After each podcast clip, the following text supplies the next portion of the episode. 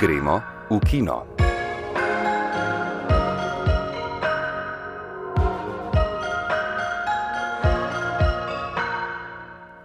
Lepo pozdravljeni vsi, ki imate radi film.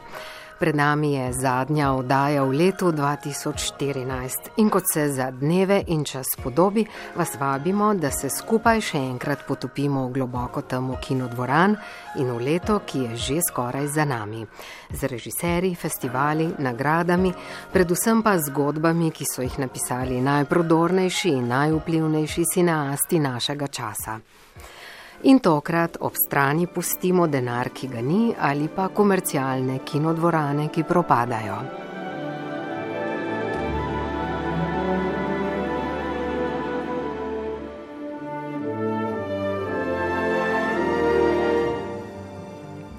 Vsako filmsko leto se zares začne februarja v Berlinu, kjer že dolga desetletja gostijo enega najpomembnejših festivalov sveta. Evropskemu občinstvu pa prikažejo tudi utrinke z ameriškega Sundansa. Leta 2014 je Zlatega medveda tam prejel kitajski film Črn premog Tanek let režiserja in scenarista Djaoja Jinana. Na filmu se je medtem nabralo že kar nekaj prahu, v tekmovalnem programu Berlinala pa so pokazali film, ki je devet mesecev pozneje na vrhu kritiških lestvic po vsem svetu. Richard Linklater, tisti režiser, ki že dve desetletji razvija zgodbo o parižanki Selin in američanu Jessu v izjemni trilogiji Pred zoro, pred mrakom, pred polnočjo, je med tem in ob tem 12 let snemal film Fantovska leta. Avtorski kredo ameriškega režiserja, ki je letnik 60, so življenja navadnih ljudi, družinske zgodbe, odraščanje, v njegovem zadnjem filmu dobesedno pred očmi gledalcev, ki česa podobnega na filmskem platnu še nismo videli. Želel sem le ujeti drobne trenutke, vendar pa sem verjel, da se bo vse lepo sestavilo. Imeli smo dovolj časa, zaradi strukture filma pa sem verjel, da bo prišlo do kumulativnega učinka, ki se bo prej ali slej pokazal. Na tem je v resnici temeljil film, ne pa toliko na dogodkih, čeprav smo se z njimi seveda tudi dosti ukvarjali.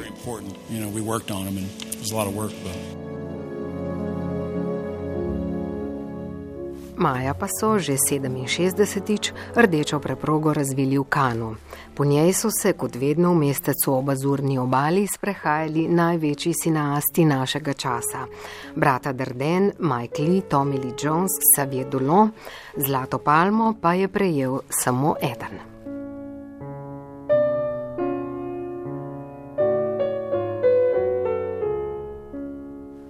Turški režiser Nuri Bilge Džejlan, avtor filmov Bilo je nekoč v Anatoliji, Tri opice, Podnebje, je od samega začetka festivala veljal za osrednjega kandidata s filmom Zimsko spanje. The starting point of the film, of course, it, it was a Chekhov, several Chekhov stories, but of course I wouldn't Izhodišče za film je Čehov, njegove kratke zgodbe. Seveda pa smo vse to zaznali tudi v resničnem življenju. Njegove zgodbe se zdijo, kot bi bile napisane za Turčijo. Sicer pa smo, vsaj kot jaz razumem življenje, ljudje povsod enaki.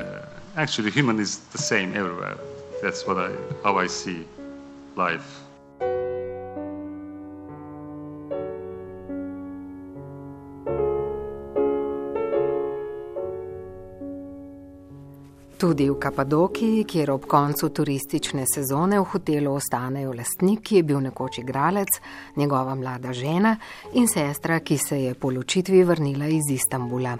Film Zimsko spanje sestavljajo dolgi, globoki pogovori o vsem, kar pomeni življenje. Film je lahko tudi vaše novoletno darilo. Prav te dni namreč gostuje na platnih Ljubljanskega kinodvora in slovenske art mreže.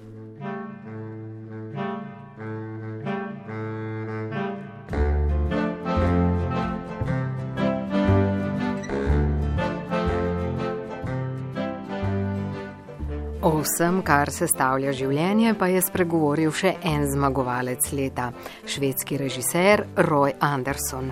71-letni režiser, ki je zmagal v Benetkah, je do zdaj posnel le pet celovečercev, v njih pa je razvil povsem svojo poetiko. Filmsko trilogijo razmišljanj o življenju je zaključil zgodbo, ki ima zagotovo najbolj zabaven naslov leta. Golob je sedel na veji in razmišljal o življenju. In je imel o čem razmišljati, saj v 39 filmskih slikah duhovito prestopa iz časa v čas, iz prostora v prostor in dokazuje, da se vse bistvene stvari ne spreminjajo.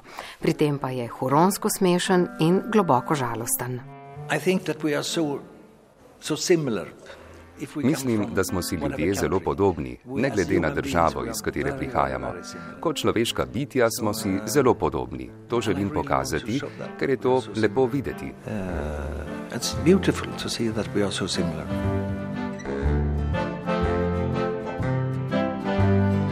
Ob festivalih, včasih z rahlim prekrivanjem, pa na obali Pacifika stoji Hollywood, ki je svojo kulminacijo doživel marca na 86. razglasitvi Oskarjev. Velika zmagovalca sta postala dva: film Gravitacija Mehičana Alfonsa Cuarona v katerem v vesolju zavedno oblebdita Sandra Bullock in George Clooney, ter 12 let sužen britanskega režiserja Steva McQueena, nastal je po resnični zgodbi temnopoltega američana.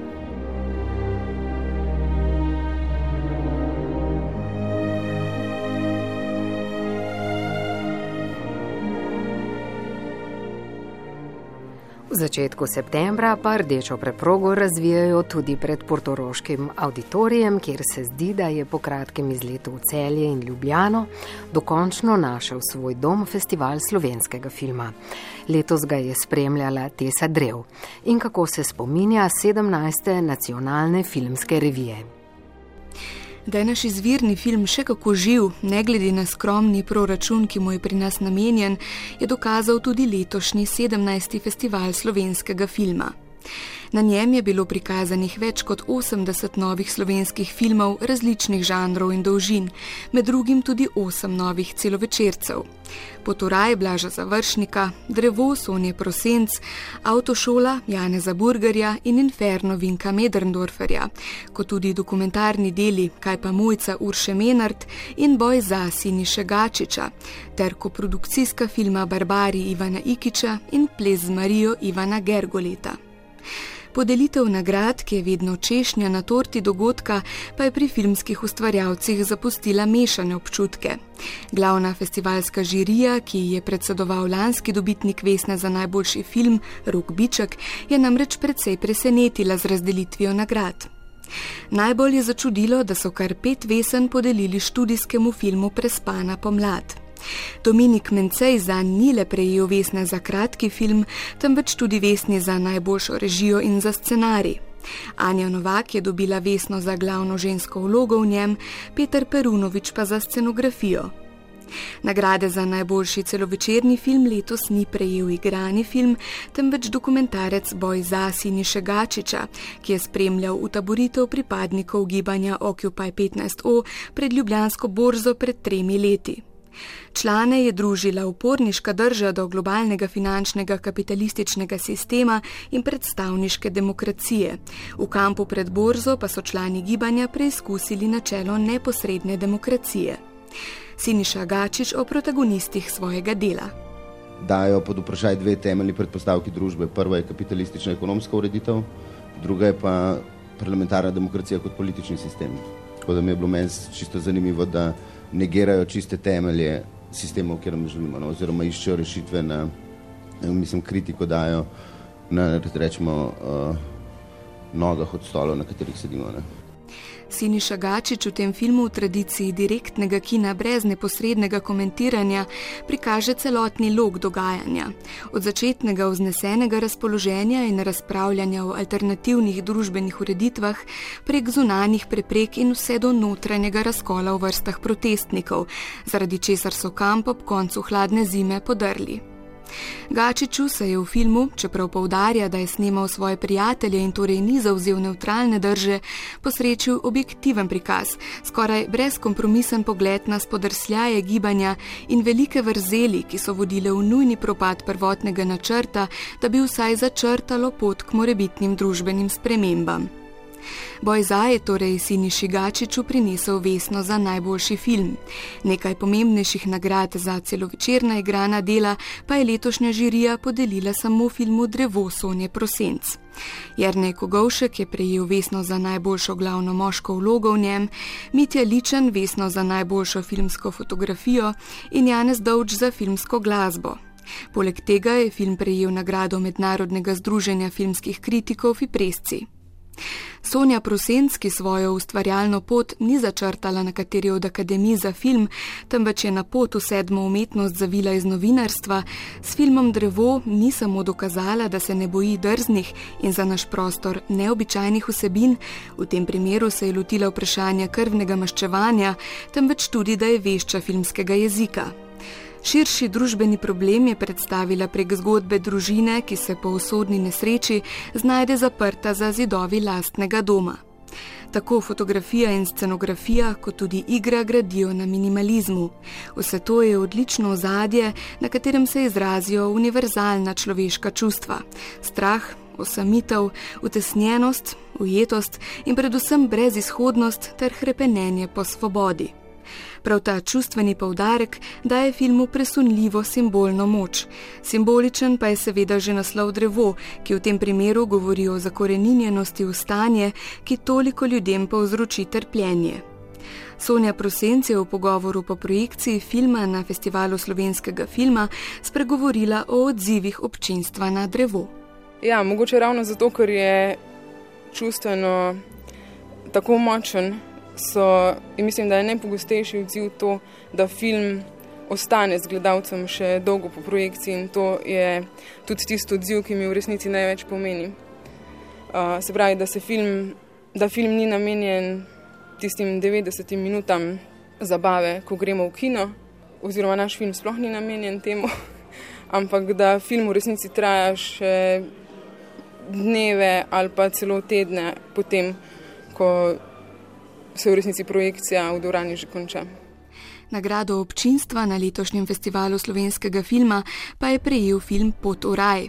Za slovenski prostor nenavadno optimizma poln film o mladem fantu, ki se po smrti staršev odpravi na očetovo jadrnico, da bi na samotnem potovanju v sebi sklenil mir in poiskal smernice za naprej. Načrte mu prekriža dekle, ki ga od prvega srečanja dalje ne spusti več od sebe. Film se posveča spletanju odnosa med osebama, ki prideta na jadrnico vsak s svojim psihološkim bremenom, s katerim zatem poskušata upraviti tako posamič kot tudi skupaj. Čeprav film obravnava zahtevno temo izgube, pa je večji poudarek na iskanju novih poti. Poleg tega mu z mero ironije uspe preseči šablonske okvire romantične komedije. Poturaj je režiral Blaž Završnik, scenarij pa je soustvaril z igralcema, Ajdo Smrekar in Klemnom Janežičem. Večino filma so izpeljali štirje ljudje, poleg že omenjenih še direktor fotografije Leo Predan Kovarski. Snemali so ga dva tedna na 8-metrski jadrnici. Blaž Završnik. Ključen faktor je klaustrofobija, ker da, jadrnica sicer ima štiri ležišča, Um, ampak, polk prišteješ to uh, ogromne kočke opreme, pa nekih odsevnikov, pa kočke kostumov, pa tako, ker naenkrat ostaneš tako zatlačen v nek kot, ker uh, na pol jokaš, ko spiš. Ampak um, se mi zdi, da, da smo zelo dobro prebrodili um, kakšne težave, ko so se pojavile. Z nekom biti na jadrnici um, dva tedna je samo po sebi že problem. Um, prijatelji se skregajo na, na jadrenih, pa tako. Mi smo pa zelo dobro speljali, no, moram reči. Predvsem zato, se mi zdi, ker se zelo dobro razumemo in smo nekako prijatelji tudi v privatnem življenju, bilo stvar lažje. Povejmo tudi, da je v okviru festivala Slovenski filmski center podelil nagrado Metoda Badjure za življensko delo režiserki zvoka, skladateljici, tonski mojstrici, sonorični komponistki in medijski umetnici Hani Projs. V svoji več kot 35-letni karieri je svojo senzibilnost in za naš prostor novo razumevanje filmskega zvoka unesla v več kot 150 filmov. Med drugim pa je bila za svoje delo nagrajena leta 1983 v Pulju Zlato areno za zvok v filmu Eva Francija Slaka. Kot so zapisali v katalogu, so člani žirije z dodelitvijo nagrade metoda Badjure Hani Projs želeli tudi opozoriti na pomen zvoka kot ene temeljnih dimenzij filma in prispevati k promociji ustvarjalcev z različnih področji filmskega ustvarjanja. Hanna Projs o nagradi. Ta nagrada mi pomeni potrditev, da moja strast doživljenjska je pr prišla na površino, da sem dobro delala in da sem dejansko ustvarila eh, stvari, ki so naredile neki premik v zavesti in v dojemanju zvoka. Toliko o letošnjem festivalu slovenskega filma, ki je domačo filmsko umetnost in njene ustvarjalce pripeljal v Portoroš med 10. in 14. septembrom. Na prihodnjem festivalu si bomo po napovedih sodeč med drugim lahko ogledali urbano komedijo Šiška Deluxijana Cvitkoviča, film Dekleta ne jočejo Matevža Luzarja, ljubezensko zgodbo postavljeno v svet repa, utrip ljubezni Borisa Petkoviča, pa tudi grozljivko idila Tomaža Gorkiča. Pustimo se čim prijetneje presenetiti.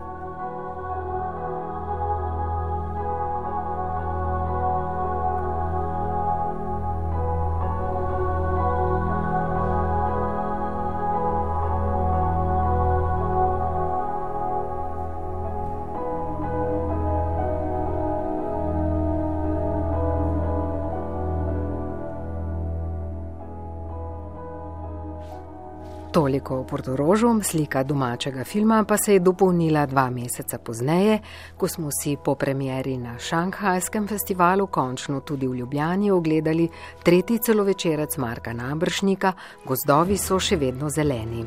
Z njim se je režiser dveh uspešnic, Petelinjega zajtrka in Šanghaja, poklonil spominu na veliko bojišče iz Prve svetovne vojne, Soško fronto. Film Gozdovi so še vedno zeleni, je res precej drugačen od Petelinega zajtrka in Šankaja. Do tega filma sem prišel tako, da sem dobil ponudbo avstrijskega producenta, ki je nagovoril mene in slovenskega koproducenta. Se pravi, gre v tem primeru dejansko za ponujeno delo. Sicer sem kasneje sodeloval kot ko-scenarist, ampak sama osnovna ideja pa uh, ni moja.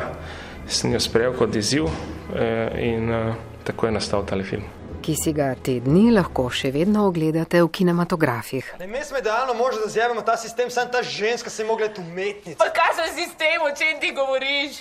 O bohu nisi zabine, dokler ne umrla. Sploh ne če veš, kako se je pisala. In zdaj sem mislila, da si malo bolj normalen. Res ne razumete vi.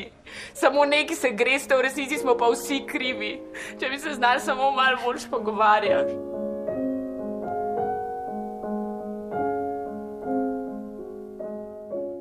Največja mednarodna zgodba slovenskega filma pa se je komaj dobro končala.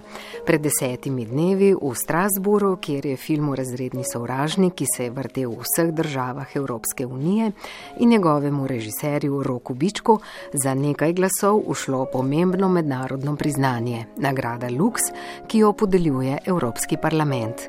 Na podelitvi je bil Aleksandr Čobac, vtisi pa so še povsem sveži razrednega sovražnika je skupaj s polskim filmom Ida, Pavla Pavlikovskega in francoskim Bando Punc, režiserke Selencija Ma, izbrala mednarodna žirija izmed 60 celovečercev. Na to pa so na plenarni seji v Strasburu zmagovalca odločili glasovi evropskih poslancev. Razredni sovražnik je bil drugi po številu glasov. Veliko priznanje in promocija za roka Bička pa je predstavljala že uvrstitev v finale treh filmov. Celotna ta mašinerija, ki stoji za tem, ki pa v bistvu omogoča, da se je slovenski film prikazal po celotni Evropi, je bil preveden v vse evropske jezike in v bistvu take platforme, kot je v bistvu Lux Prize, krepijo evropsko kinematografijo, in s tem bi se tudi slovensko. In upam, da bodo s tem nadaljevali v prihodnje, tudi, da tudi v naslednjih letih dobimo novega predstavnika v tem tekmovanju. Ste zasledili kakšen zanimiv odziv po vseh teh evropskih državah, kjer so gledali vaš film, kako so ga sprejemali? Nekaj izkušenj imam z različnih evropskih festivalov, kjer sem osebno prisustvoval in sem imel tudi pogovore po projekcijah z občinstvom. Lahko rečem, da je ena skupna lastnost teh pogovorov bila ta, da so gledalci velikrat omenili, da si zlahka predstavljajo, da se ta zgodba dogaja v njihovi državi in to bi se to zgodba njihove mlade generacije. Tako da mislim, da je tudi to eden od razlogov, zakaj se je razredni sovražnik znašel v tej trojici filmov, ker na nek način v svojem bistvu, v svoji ideji lahko predstavlja tudi idejo Evropske unije. Mnenja so bila, da na nek način eh, razred predstavlja Evropsko unijo. Ne. Jaz se pa tukaj potem vprašam, če je razred Evropske unije, kdo je potem profesor. Ne. Razred iz razrednega sovražnika lahko torej simbolizira Evropsko unijo, profesorja pa Nemčija. In kako bi na film lahko gledali nemški europoslanci?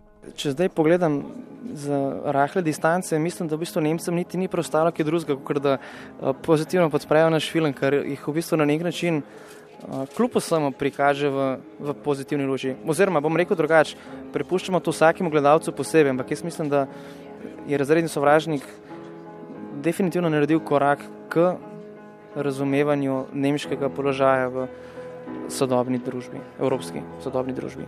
Med nemškimi europoslanci, ki so glasovali za razrednega sovražnika, je bila Petra Kamejefert. Das, was ich an dem Film so schön finde, ist, dass es so schwierig ist, äh, eindeutig zwischen gut und Film odlično prikazuje dilemo, kako težko je včasih ločiti med dobrim in slabim. Mladi, ki morajo predelati zahteven udarec, samomor sošolke, se soočijo z zelo avtoritativnim učiteljem nemščine, ki nima občutka za nje. Soočenje se konča z idejo, da je vsak odgovoren za svoja dejanja, da se mora naučiti obladovati situacijo ob tem pa se mora izogniti napačnim moralnim predstavam in prehitremu obsojanju.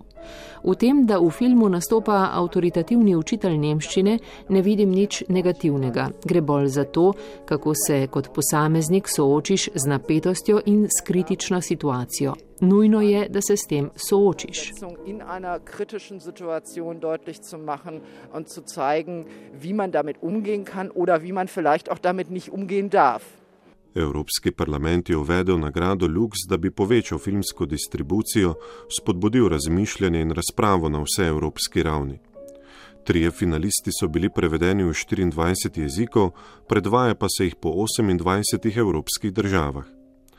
So ustanoviteljica nagrade, nekdanja europoslanka Doris Pak, vidi prednost projekta tudi v tem, da lahko z nominiranimi filmi nagovorijo občinstvo, ki jih evropske teme običajno ne zanimajo. And a lot of my colleagues didn't understand that it is a tool for communication. Veliko mojih kolegov, evropskih poslancev, tega projekta sprva ni razumelo kot orodje spodbujanja razprave. Potrebno je bilo veliko pojasnjevanja, a se je nagrada Lux do danes vendarle prijela. Te tri filme prikazujemo po številnih festivalih, predstavljamo jih po vseh prestolnicah, v Nemčiji smo jih predvajali v štirih mestih.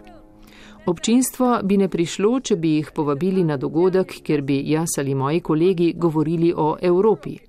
Pridejo pa na ogled filma, ob katerem odpiramo razprave na evropske teme, zato se mi zdi, da je nagrada Lux odlično orodje za pripovedovanje evropskih zgodb z evropskimi filmi.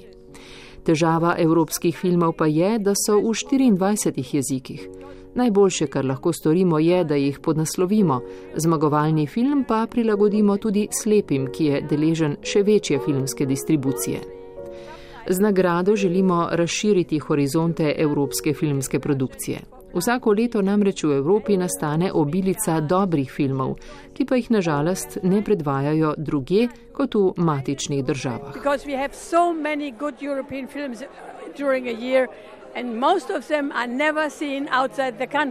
Film Razredni sovražnik Roka Bička se je torej uvrstil na drugo mesto po številu glasov evropskih poslancev.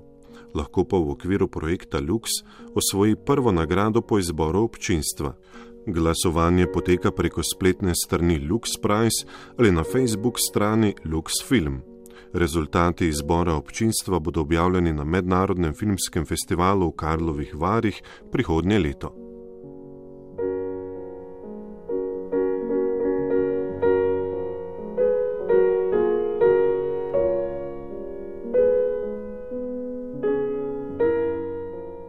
Nagrado Lux, ki se je izmuznila Roku Bičku, je potem prejel Poljak Pavel Pavlikovski za film Ida. Ta isti film je nekaj dni predtem postal tudi Evropski film leta in pobral kar pet nagrad Evropske filmske akademije. Na Ido, kljub nekaj projekcijam v Sloveniji še čakamo, film pa pripoveduje o 18-letni Ani, ki se pripravlja, da bo vstopila v samostan, v katerem je kot sirota živela od otroštva. Ravno v tem času pa izve, da ima teto judovskega rodu, zagrizeno komunistko, znano toživko, ki je sodelovala v povojnih procesih obsojenja na smrt. Ana ob tem odkrije tudi, da je njeno pravo ime Ida. O filmu, ki se dogaja v začetku 60-ih let, režiser Pavlikovski. Um, Razlog, da sem film posnel v črno-beli tehniki, je obdobje, ki se ga spominjam predvsem v črno-belih podobah. S tem ga lahko distanciram od sedanjosti. Nisem želel narediti zgodovinskega filma, ki bi ga lahko jasno postavili v neko obdobje, ampak film, v katerem se lahko občuti brezčasnost.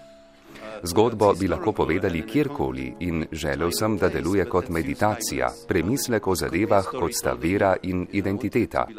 Nisem želel posneti zgodovinskega filma, ki bi zgolj razčiščeval in pojasnjeval.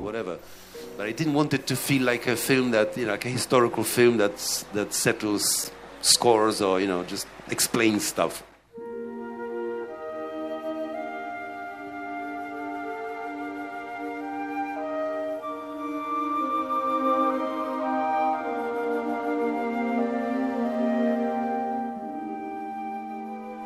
V letu, ki jim počasi jemlje slovo, pa so se od nas poslovili tudi mnogi filmski umetniki. Nepričakovano Philip Seymour Hoffman in Robin Williams, pa Lorin Bacall in Shirley Temple, režiserji Mike Nichols, Richard Attenborough, Alain René, Vera Hitilova in Milan Ljubič.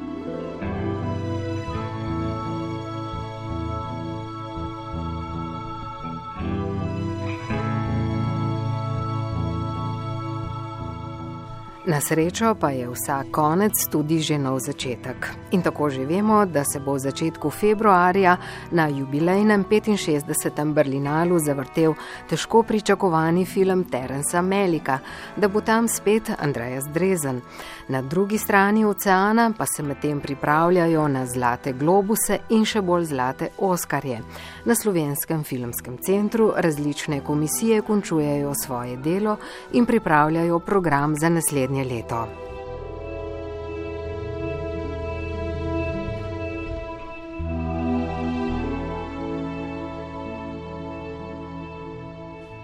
Mi pa vam želimo samo še dober filmski konec dobrega filmskega leta. Priložnosti je dovolj. V Ljubljanskem kinodvoru, kjer so nas vse leto razvajali s praznovanjem svoje 90-letnice, čisto za konec ponujajo še gospoda Trnarja, v Ljubljanskem Cankarjevem domu, kjer Kosovelova dvorana nakazuje resne filmske namene, pa Džemo Bovary.